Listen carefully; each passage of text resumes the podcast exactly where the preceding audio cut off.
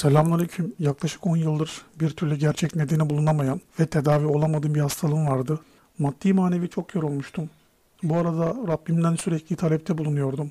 Rabbim bu hastalığı veren sensin, şifa veren de sen. Çok dua ettim, çok yalvardım Allah'ıma. Bir gün internette dolaşırken kendi yaz YouTube kanalına rastladım. Videoların tamamını izledim. Videoda tebliğlerden bahsediliyordu.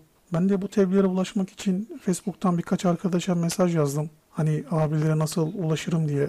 Rabbim kuluna kulun eliyle yardım edermiş ya. Bir abi dönüş yaptı ve beni kendi yaz grubundan olan Bahattin abiyle görüştürdü. Allah Bahattin abiden razı olsun. Benimle çok ilgilendi. Bu arada ben tövbeleri yapmıştım ama eksik olanlar vardı.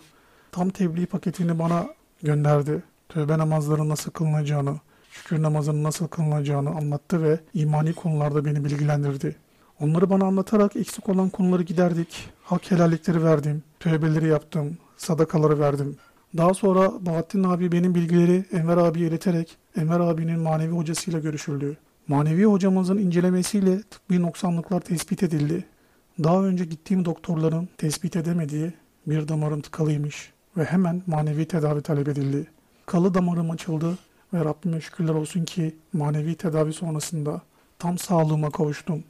Bu arada doğuştan hepatit B taşıyordum. Kandaki virüs oranım 85 bindi. Şu an binli rakamlara kadar indi. Manevi tedavim devam ediyor.